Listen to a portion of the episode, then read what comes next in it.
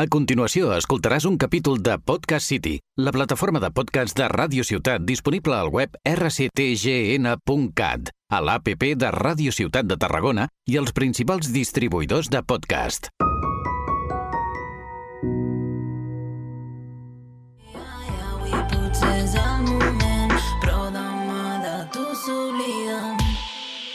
Confiant en el demà, però en el demà no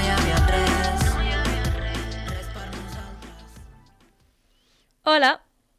Hola i benvinguts a Posem Nom, el podcast dedicat, tal com diu el mateix títol, a descobrir algunes dones de la història en tots els àmbits de coneixements possibles, que no han estat reconegudes pels seus descobriments o obres.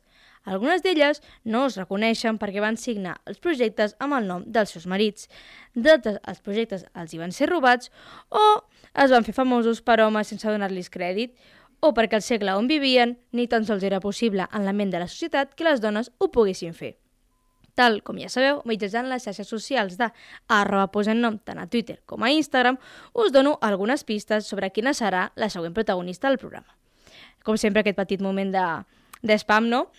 I espero que hagueu pogut llegir les, les qüestions, endevinar la protagonista d'avui i per qui no ho hagi pogut llegir, doncs, com sempre, us la repeteixo i us poseu en context. I és que la dona d'avui està ciutada a l'edat mitjana i us vaig comentar que ens quedaríem una bona estoneta a l'edat mitjana perquè pues, ho trobo una època interessant i ja doncs, són molts anys i moltíssima gent i llavors doncs mola, no? I doncs és, l'important és que és europea, o sigui, que no és europea, perdó, i que és una reina. Doncs bé, dit això, us presento a la protagonista del dia d'avui, que és Wu Zeitan.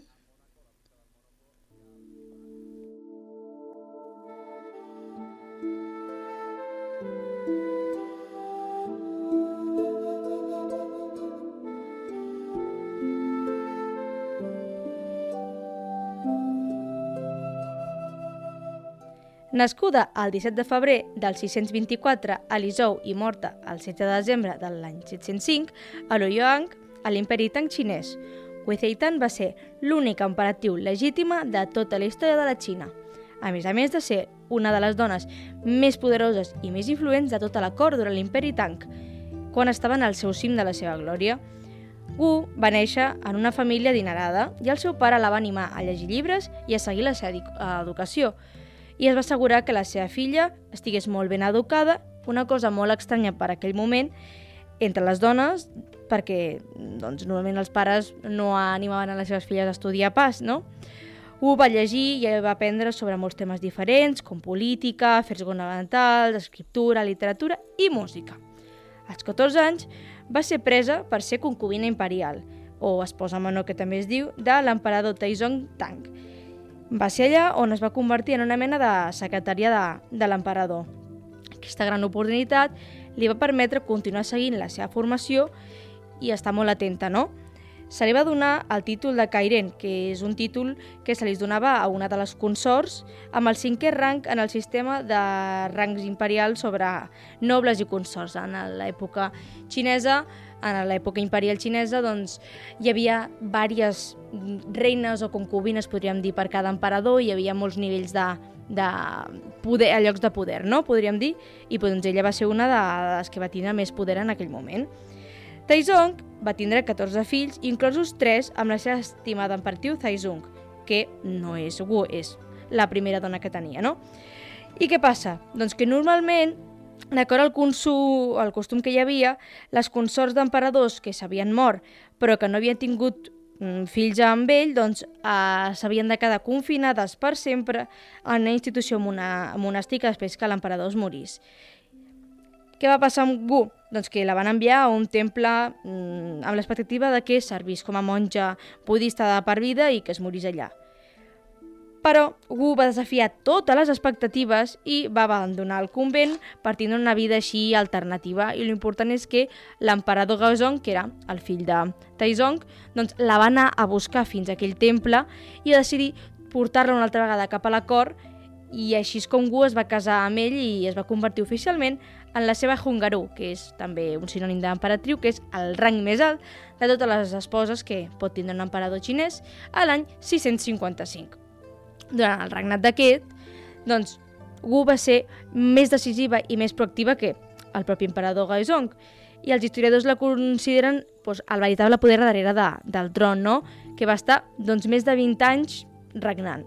Va tenir el control parcial del poder des del novembre del 660, després que Gaozong tingués doncs, un ictus molt debilitant que li impedia regnar amb normalitat.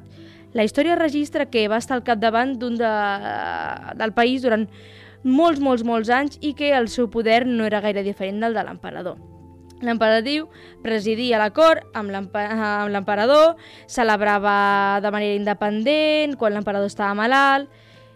L'important aquí és que Gaozong la tenia molt en compte i doncs, mm, va buscar moltíssim la seva opinió en tots els assumptes que, que pogués, no? abans de dictaminar res. L'ascens de Wu va ser totalment meteòric, al ser una dona molt carismàtica, venjativa però ambiciosa i molt ben educada, fet que va fer que el seu marit se l'estimés moltíssim. A Wu se li van concedir certs honors i privilegis que no va tindre mai cap altre emperatiu xinès abans o després. Després de la mort de Gaozong, al 683, va pujar al tron el seu fill Li Ze, amb el nom de Zongzong. Sí, sembla de xiste el nom, però mm, és com és. Però, amb l'ajuda de diverses persones doncs, de la cort, Wu el va fotre al carrer, el va exiliar i va col·locar el seu altre fill, Li Dan, com a emperador amb el nom de Ruizong, al 684. Aquí com comença l'època interessant i guai d'aquesta emperatriu, i és que encara que Luizong doncs, tenia el títol d'emperador, l'emperatriu Videgu ho controlava tot, va començar a controlar la Xina durant més de 6 anys, quasi, quasi com si fos la dona del seu propi fill, no? Al final va decidir apoderar-se del tron perquè s'havia cansat d'estar així una mica com a, a l'ombra, encara que ella era la que tallava la bacalla, i de manera que a l'octubre del 690, doncs, l'emperador va decidir cedir-li el tron imperial a la seva mare, que s'havia instal·lat per fi com a emperatiu regnant i iniciant el que es coneix com la dinastia Zhu, que és doncs, l'única emperatriu regnant tota la història xinesa i una dinastia que va crear per ella i que només va durar fins a la seva mort. No? Aquesta dinastia, com he comentat, doncs va durar fins que el seu fill gran va ser restaurat al tron després d'un cop d'estat en, el en el 705. I ara parlant ara de tot el que va fer en els seus 60 anys com a emperatiu, tant consort, regent com regnant, doncs Wu és considerada un dels emperadors més grans de la història xinesa pel seu lideratge fort i el seu govern eficaç. Vull dir, he dit emperador, sí, sí, en masculí. De tots els emperadors que va haver-hi a la Xina, Wu Zeitan va ser la més important, i sent dona, cuidau, eh? Doncs bé, va convertir a la Xina en una de les nacions més poderoses del món en aquell moment. La importància per la història d'aquest període de lideratge polític i militar de Wu doncs, inclou moltíssim la gran expansió de l'imperi xinès i el va estendre molt més enllà dels límits territorials que hi havia fins al moment.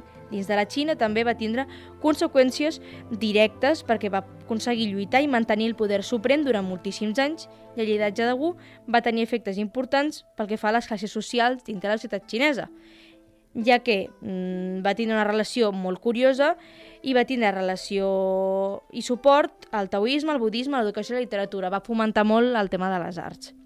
També va tindre un paper clau a l'hora de reformar el sistema d'examen imperial i va encoratjar els funcionaris capaços de treballar en el govern per mantenir un estat pacífic i ben governat.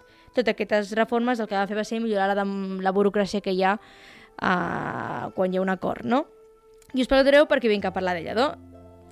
Pues aquesta vegada és perquè la visió de Wu Seitan és una mica barrejada, ja que se l'admira per les seves habilitats per governar l'Estat, però a la vegada la gent és una mica crítica per les seves accions a l'hora de prendre el poder imperial, no? Perquè, clar, assassinar i conjugar-se amb gent per arribar al poder doncs, no és el més bonic ni el més lícit del món, podríem dir, no?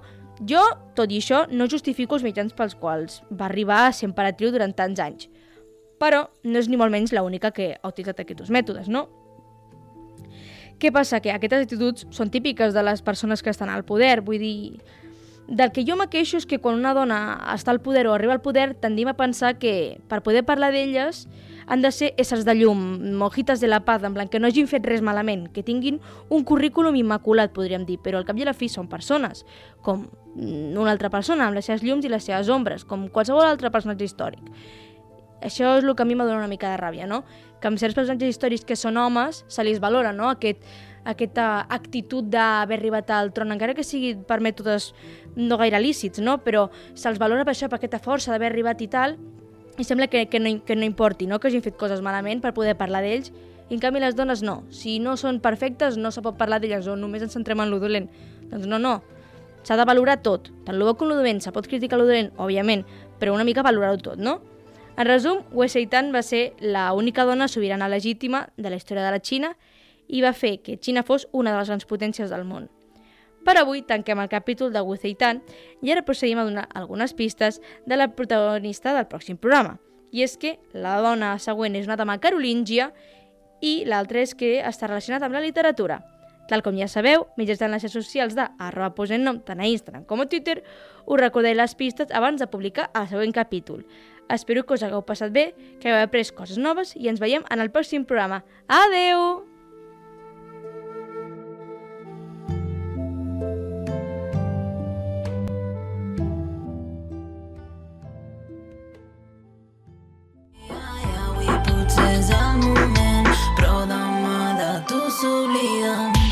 Em créixer confiant en el demà,